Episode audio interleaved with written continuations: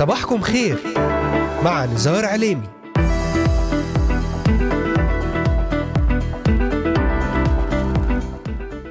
أهلا وسهلا بجميع مستمعاتنا ومستمعينا الكرام وبجميع الذين انضموا الآن إلينا لبرنامج صباحكم خير. اليوم الخميس نصلي أن يكون يوما مباركا وحماية إلهية علينا في خروجنا ودخولنا في اسم الرب يسوع المسيح. صباحكم خير.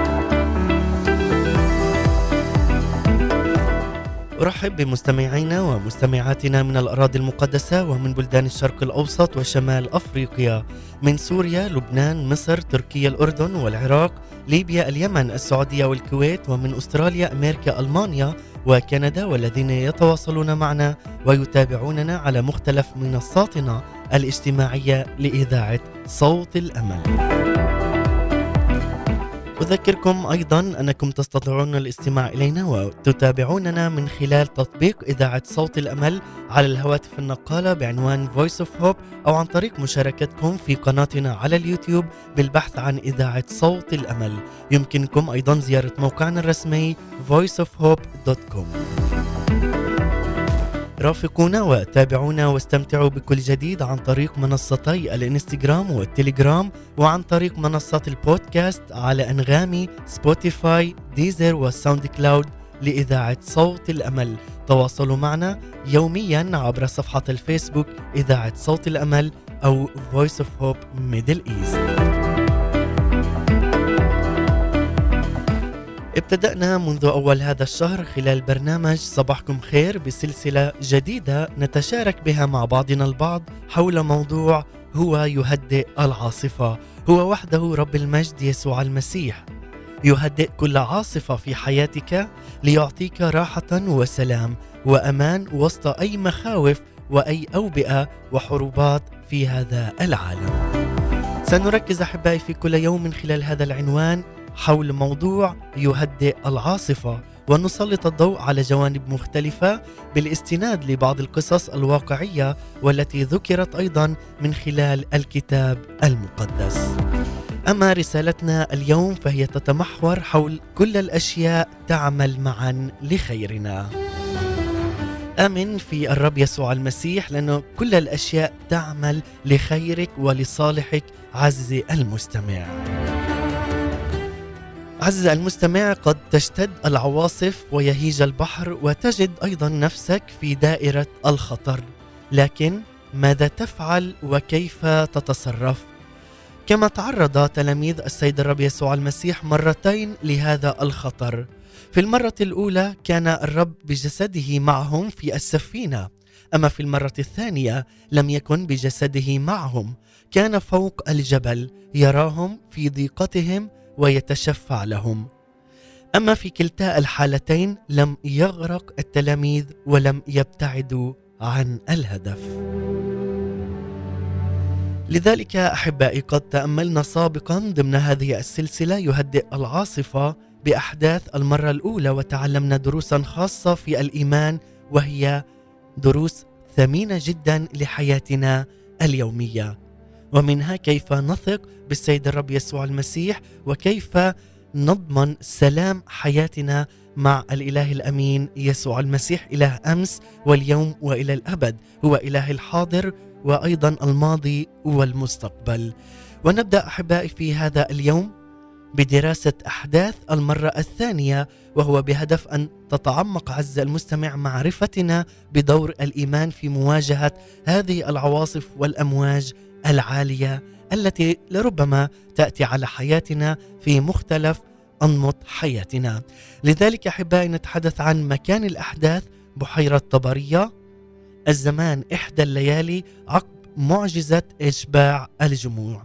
سنتحدث في هذا اليوم عن هذه الأحداث ونركز عنها وأيضا لنعلم أن كل الأشياء تعمل معا للخير للذين يحبون الله.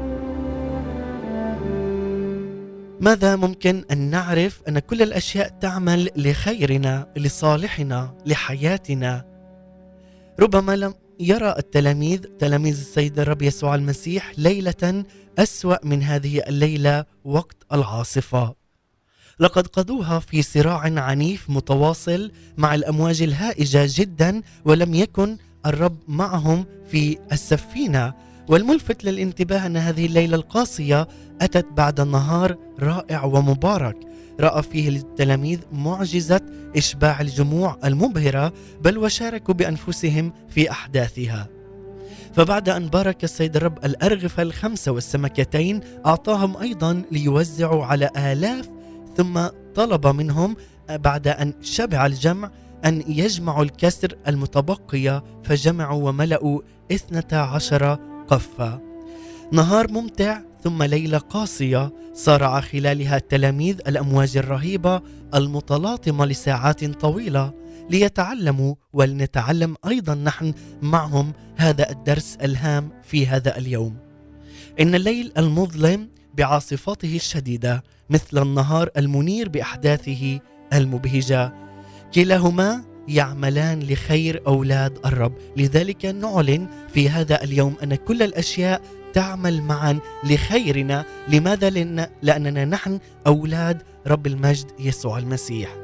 لأنك أنت ابن محبوب وأنت ابن وارث وأنت ابنة محبوبة وابنة وارثة للسيد الرب يسوع المسيح إذ تمسكت وتمسكت بهذا الوعد أن كل الأشياء تعمل معا لخيرك ولصالحك ما دمت وما دمت عزيزتي المستمعة مع السيد الرب يسوع المسيح. فكل الأشياء تعمل معا لخير أولاد الرب.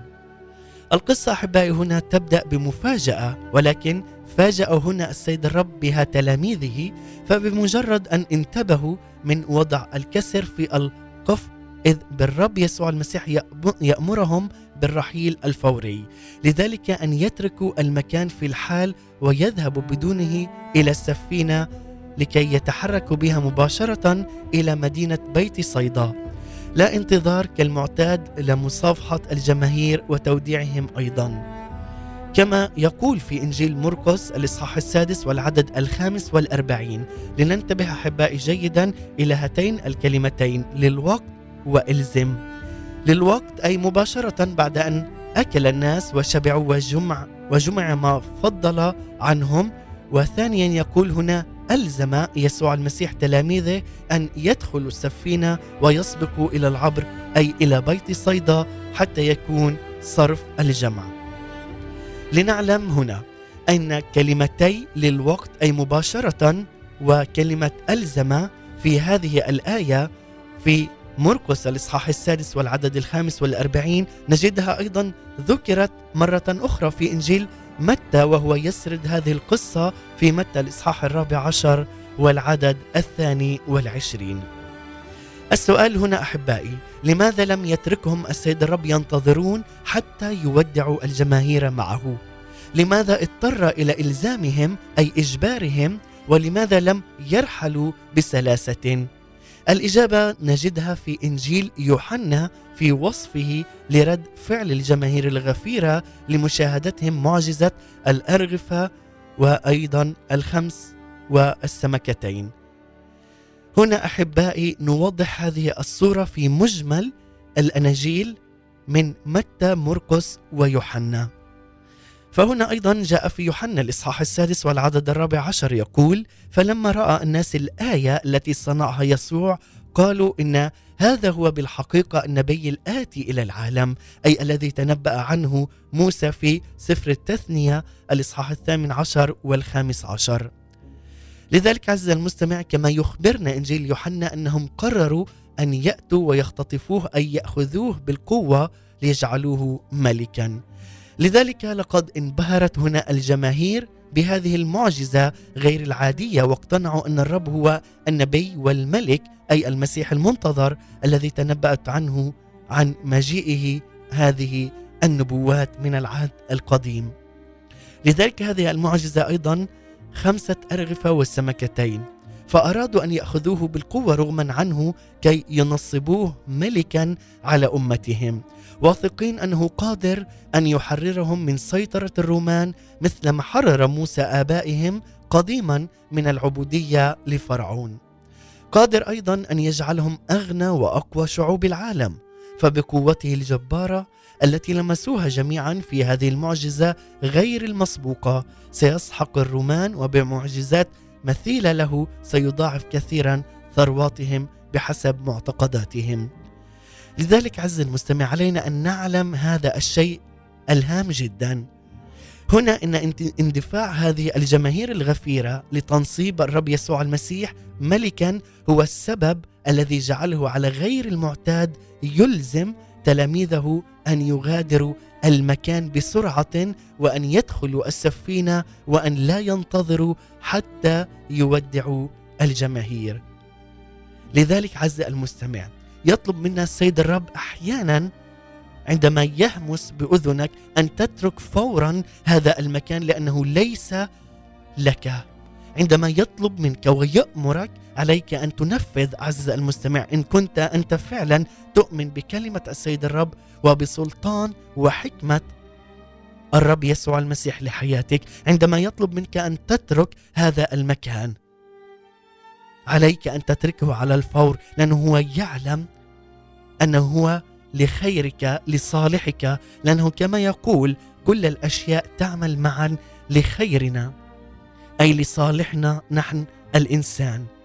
أحبائي لندخل إلى عمق وصلب هذا الموضوع بالتفصيل وبثقة بأن الرب سيتحدث إلينا من خلال هذه الآية في هذا اليوم ضمن هذا البرنامج وضمن هذا الموضوع هو يهدئ العاصفة. ولكن سنتحدث عن التوقيت وتوقيت الخاص لحياتك لكن بعد هذا الفاصل مع المرنمة نادية منير ترنيمة حقك تاخد السلطان. أعطي للسيد الرب كل السلطان والكرامة والمجد لنرنم ونعود لنكمل.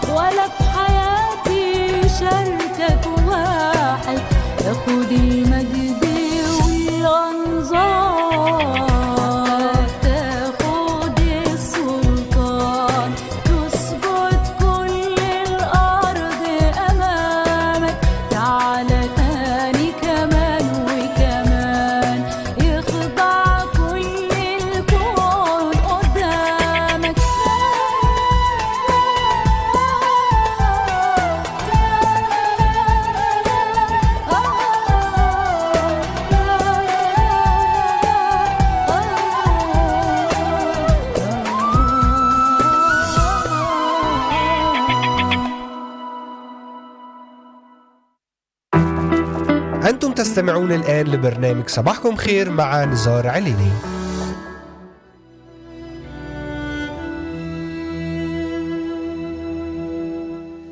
نعم عودة من جديد إليكم أحبائي مستمعي ومتابعي إذاعة صوت الأمل وذلك بعد كنا مع هذه الترنيمة الرائعة مع المرنمة نادية منير حقك تاخد السلطان.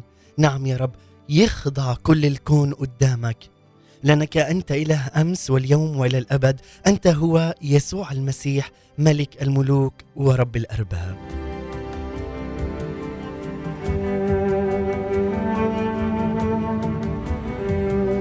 نعود أحبائي لنكمل في حديثنا في هذا الصباح ورسالتنا التي تتمحور حول كل الأشياء تعمل معا لخيرنا. ونتحدث الآن عن التوقيت هنا لم تتحرك هذه الجماهير لتجعل الرب ملكا عليها بعد نهاية حديثه إليهم أي حديث السيد الرب يسوع المسيح معهم. فلم يكن السبب أنهم تأثروا بكلمات النعمة الخارجة من فمه لقد تحركوا بعد أن فرغوا من أكل الخبز والسمك بعد أن أكلوا منه وذلك بعد هذه المعجزة معجزة إكثار الخمسة ارغفه والسمكتين وهنا أحبائي المعنى أنه لم يريدوه ملكا يملك على قلوبهم يقدم لهم الطعام الروحي المشبع والملذ للنفس بل أرادوا ملكا سياسيا يحررهم من سيطرة الرومان ويسدد احتياجاتهم المادية أي الطعام الجسدي الوقتي ويحقق رغبتهم في أن يصيروا أغنياء العالم. ولكن الإنسان ليس جسدا فقط، الإنسان هو أساسا روح. روح له نفس ويسكن في جسد، وروحه أثمن بكثير من جسده.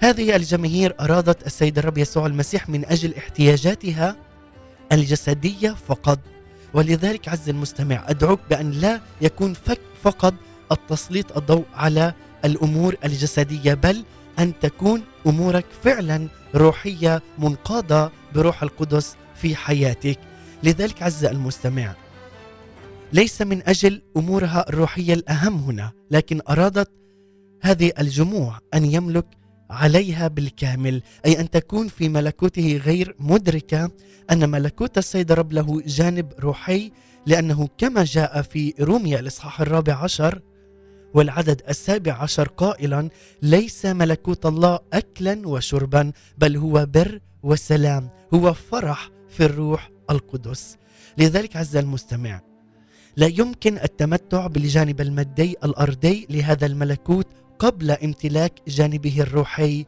القلبي والإيمان برب المجد يسوع المسيح. لذلك هذه الجماهير قد تجاهلت هذا الجانب الروحي وهو الأهم فعلا من الجانب الجسدي. وبرغم من أن أصفار العهد القديم التي يعرفونها تحدثت عنه بكل وضوح لم يرغبوا معجزاته التي تحيي أرواحهم من موت الخطية وأن تحررهم من قيودها المرة. بل فعلا أرادوا فقط المعجزات التي تشبع أجسادهم وتطلقهم من عبوديتهم للرومان. أي أنهم هنا ركزوا فقط على الثروة المالية وعلى المنصب وعلى الشبع الجسدي فقط ولا أي صلة حول الشبع الروحي من رب المجد يسوع المسيح. لذلك عز المستمع هنا نرى أنه لم يتحركوا ليجعلوه ملكا لأنهم أحبوه بل لأنهم أحبوا أنفسهم. أحبوا معجزاته التي تسدد احتياجاتهم الجسدية فقط. قال لهم موبخا إياهم في يوحنا الإصحاح السادس والعدد السادس والعشرين أنتم تطلبونني لأنكم أكلتم من الخبز فشبعتم. لقد كانوا متأهبين أن يتوجوه ملكا معترفون أنه هو الملك المسيا المنتظر لكنهم لم يأتوا إليه عند قدميه ساجدين له ليملكوه بالكامل اولا على قلوبهم طالبين أن يقيمهم من موتهم الروحي ليتحرروا من عبوديتهم للخطية ولإبليس.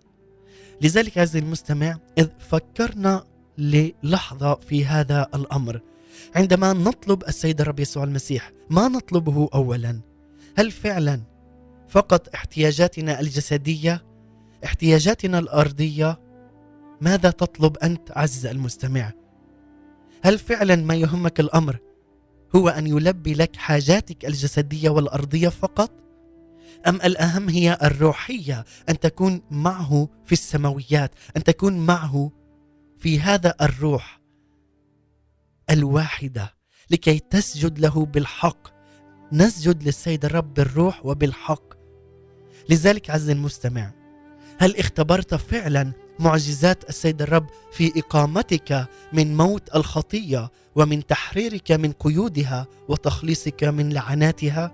هل رحبت به فعلا ملكا على قلبك بين أبنائك عائلتك؟ أم لازلت تلجأ إليه فقط من أجل احتياجاتك المادية والجسدية فقط؟ وبكلمات أخرى هل أتيت إليه معترفا أنك إنسان خاطئ وطلبت منه بإيمان أن يهبك هذا الخلاص ويعطيك الحياة الأبدية وأن يملك بالكامل على قلبك؟ هل فعلا كان هذا احتياجك احتياج روحي لا جسدي؟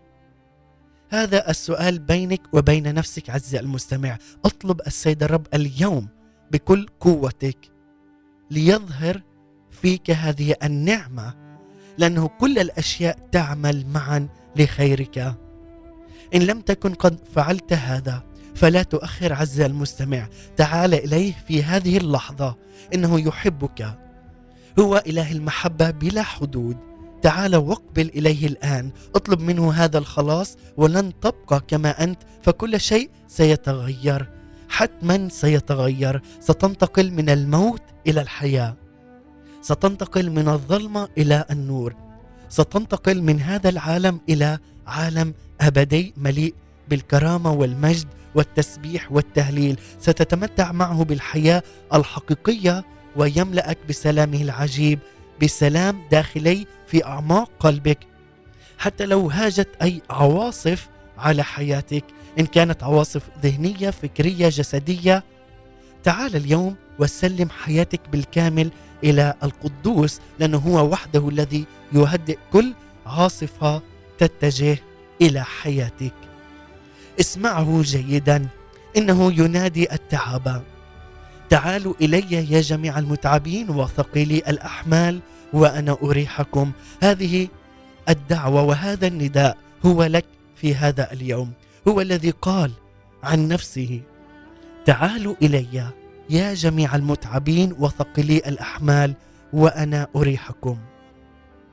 لا يوجد أي نبي ولا يوجد أي شخص قال هذه الكلمات ولا يوجد أي شخص يستطيع أن يقول هذا النداء أو هذه الرسالة إلا شخص واحد وهو رب المجد يسوع المسيح.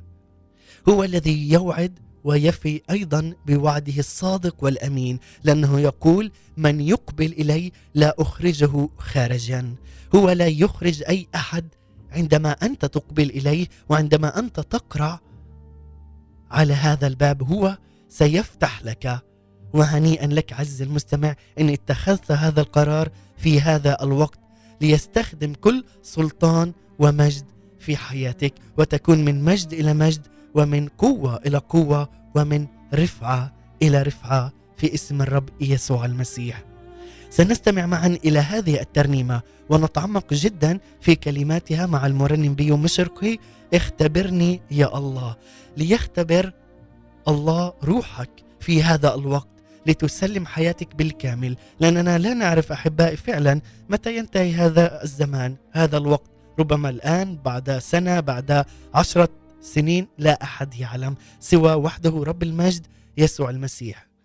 لذلك في هذا اليوم إن سمعت صوت الرب فلا تقص قلبك. تعال إليه الآن وتمتع بمحبته. افتح صفحة جديدة الآن لتكن هذه الصفحة صفحة بيضاء. كنقاوه قلبك وقداسه قلبك كما أن القدوس يطالب بشعب نقي ومقدس ليمجد اسم يسوع المسيح. ونمجد معا بهذه الترنيمة ونبارك اسمه القدوس لنعلن فعلا يا رب أنك أنت الإله الحي الحقيقي أنت هو إله أزلي أبدي. نسمع ونعود. ابقوا معنا. اختبرني يا الله. اختبرني يا الله. اختبرني يا الله. واعرف قلبي. اختبرني يا الله. اختبرني يا الله. اختبرني يا الله. واعرف أفكاري. اختبرني يا الله. اختبرني يا الله اختبرني يا الله واعرف قلبي. اختبرني يا الله اختبرني يا الله اختبرني يا الله واعرف أفكاري. وانظر إن كان في وانظر إن كان فيا. طريق باطل اهدني طريقا أبديا. وانظر إن كان فيا طريق باطل. اهدني طريقا أبديا. اختبرني يا الله اختبرني يا الله. اختبرني يا اختبرني يا الله واعرف قلبي. اختبرني يا الله اختبرني يا الله اختبرني يا الله واعرف افكاري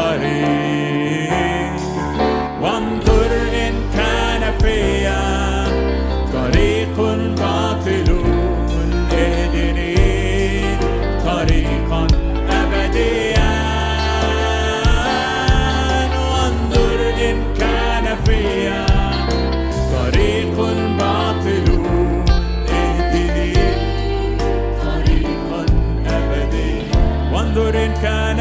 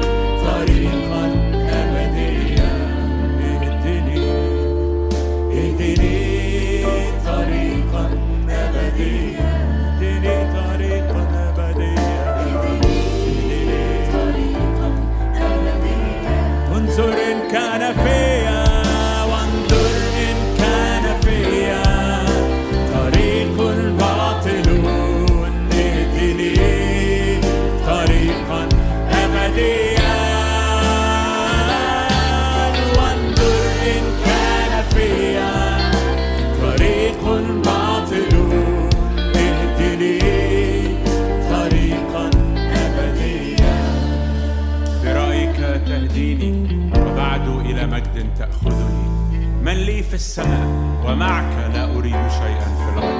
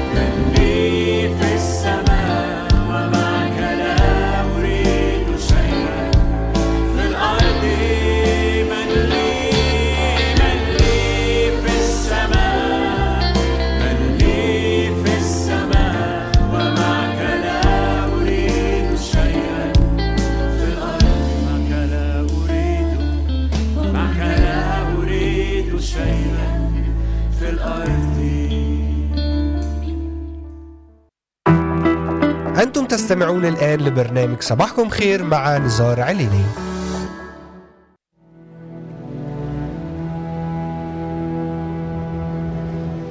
نعم عودة من جديد إليكم. بعد أن استمعنا واستمتعنا إلى هذه الكلمات الرائعة والمباركة مع المرنم بيو مشرقي اختبرني يا الله. نعم وهذه الكلمات وأركز على هذه الكلمات الرائعة من خلال هذا الترنيم. وانتظر في هذا اليوم عز المستمع بهذه الكلمات لنعلن أن السيد الرب هو الذي يهدينا من طريق الباطل إلى طريق أبدي وحق. ويقول وانظر إن كان في طريق باطل اهدني طريقا ابديا. اختبرني يا الله واعرف قلبي واعرف أفكاري.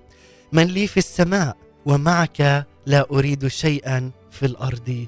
نعم عندما تتثبت وتتشبث بالسيد الرب يسوع المسيح وتتمسك به جيدا لا تريد أي شيء من هنا على الأرض لأنك تعلم أن هو معك وكل الأشياء تعمل معا لخيرك.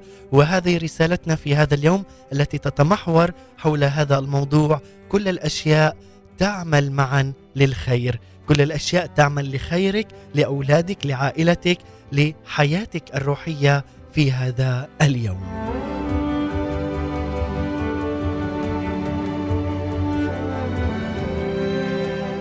لنعرف أحبائي أنه هو كم أحبنا ويحبنا حتى هذا اليوم. إننا لا نعرف على وجه التحديد ما هو الدافع الحقيقي لتشبث التلاميذ بالبقاء مع الجماهير. هل هو حب الاستطلاع المؤذي أم اشتهاء السلطة المدمر؟ لكننا نعلم أن الرب ألزمهم أي أجبرهم أن ينفصلوا عن هذه الجماهير المتحمسة ويدخلوا السفينة لأجل خيرهم لكي يحميهم من رغباتهم الضارة. كما قلنا في السابق أن رغباتهم كانت هي فقط جسدية أرضية ليست روحية.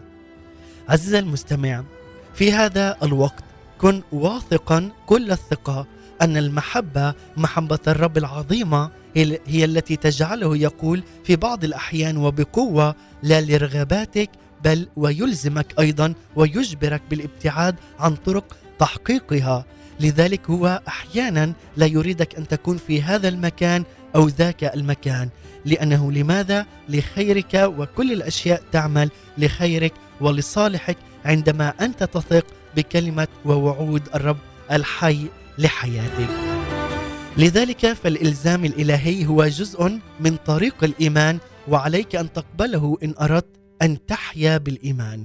لذلك عز المستمع مع هذين الاحتمالين لدافع تشبث التلاميذ بالبقاء مع الجماهير نرى سببين وراء إلزام أو إجبار الرب لنا أحيانا للتحرك عكس اتجاه رغباتنا.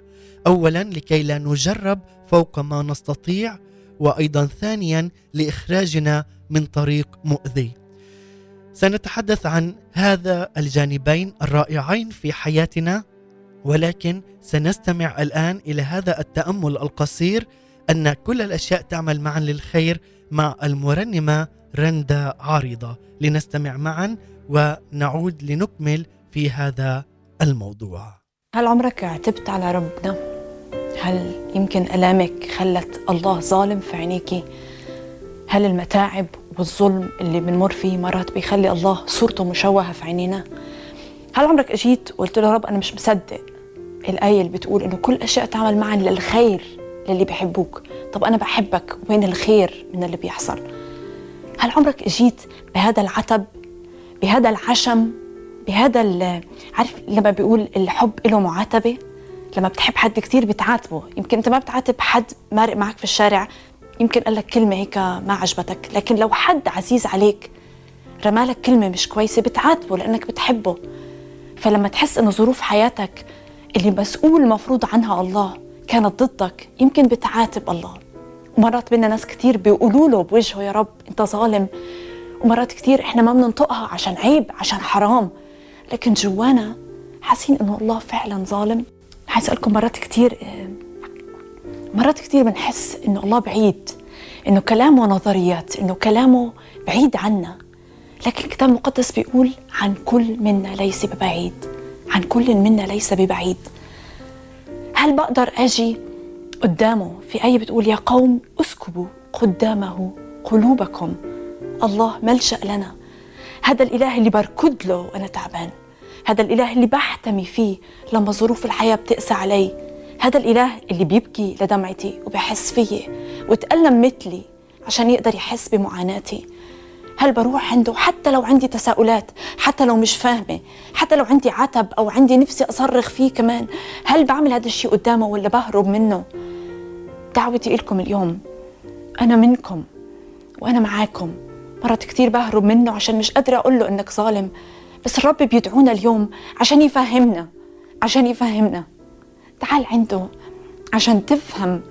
يمكن في أشياء تفهمها ويمكن لا بس الله بيدعوك إنك تبكي عنده. بيقولك تعال ابكي معي أنا حاسس فيك. تعال اليوم روح ابكي عنده هذا الله اللي حاسس فينا اللي جامع دموعنا في زق زي ما بيقول الكتاب المقدس عشان حاسس فينا. تعال اليوم عنده وابكي عند قدمي.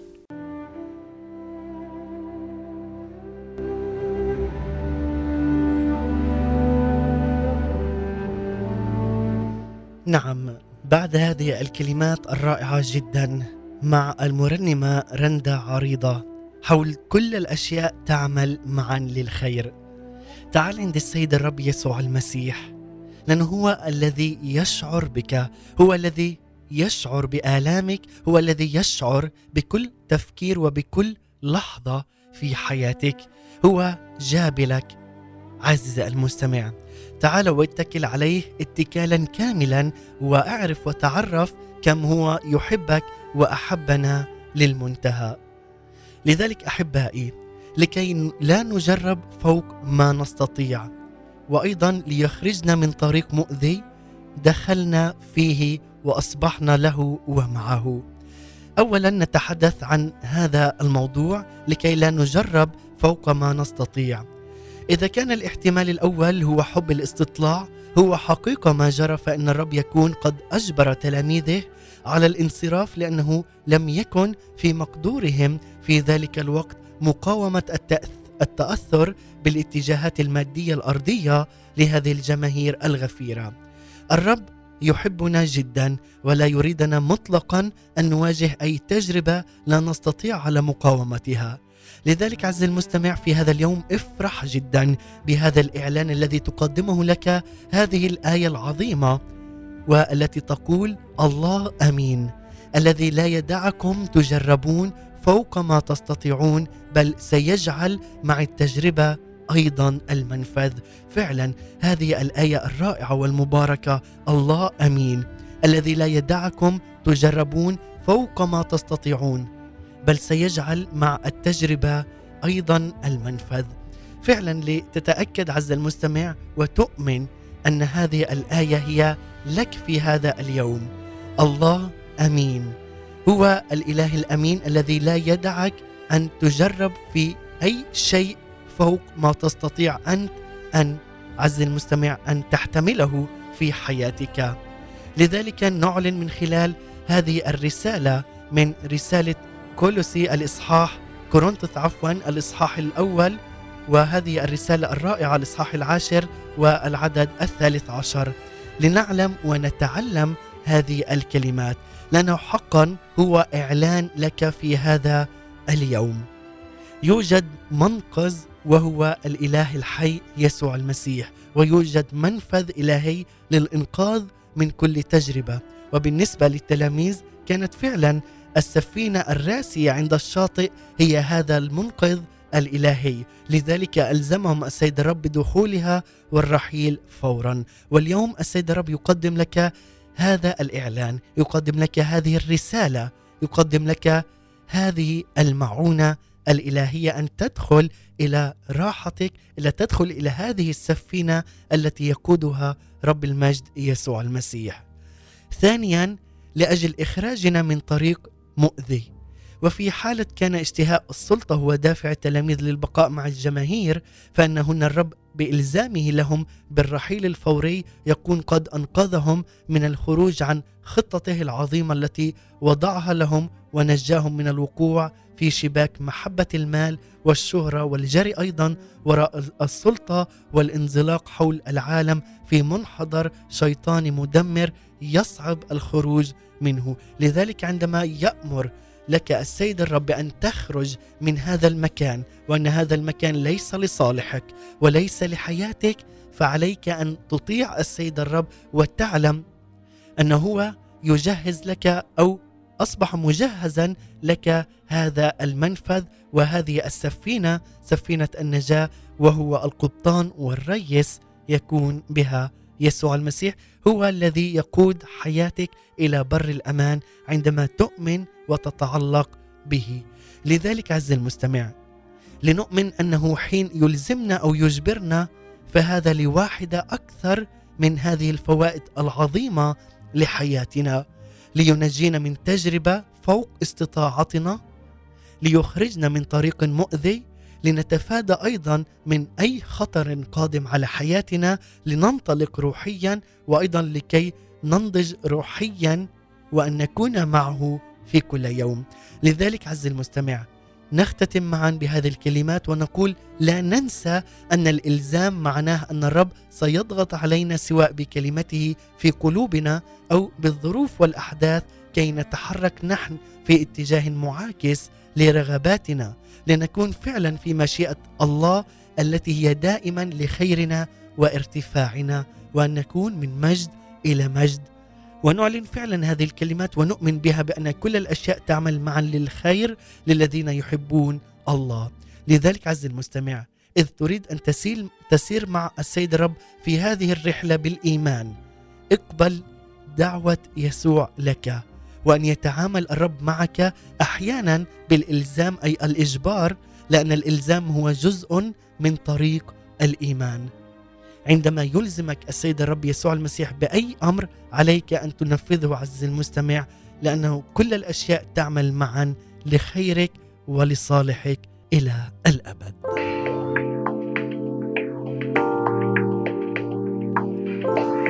ومع هذه الكلمات ومع هذه الترنيمة مع المرنمة فادية نختتم بهذه الكلمات الرائعة مع ترنيمة اتبناني. هو الذي يتبنى كل شيء. هو الذي يتبناك. هو الذي يكون معك في خروجك ودخولك. هو الذي يهدئ العاصفة على حياتك. أشكركم على حسن المتابعة والإصغاء. كان معكم على الهواء مباشرة نزار عليمي من إذاعة صوت الأمل. نختتم مع هذه الترنيمة. سلام المسيح وإلى اللقاء.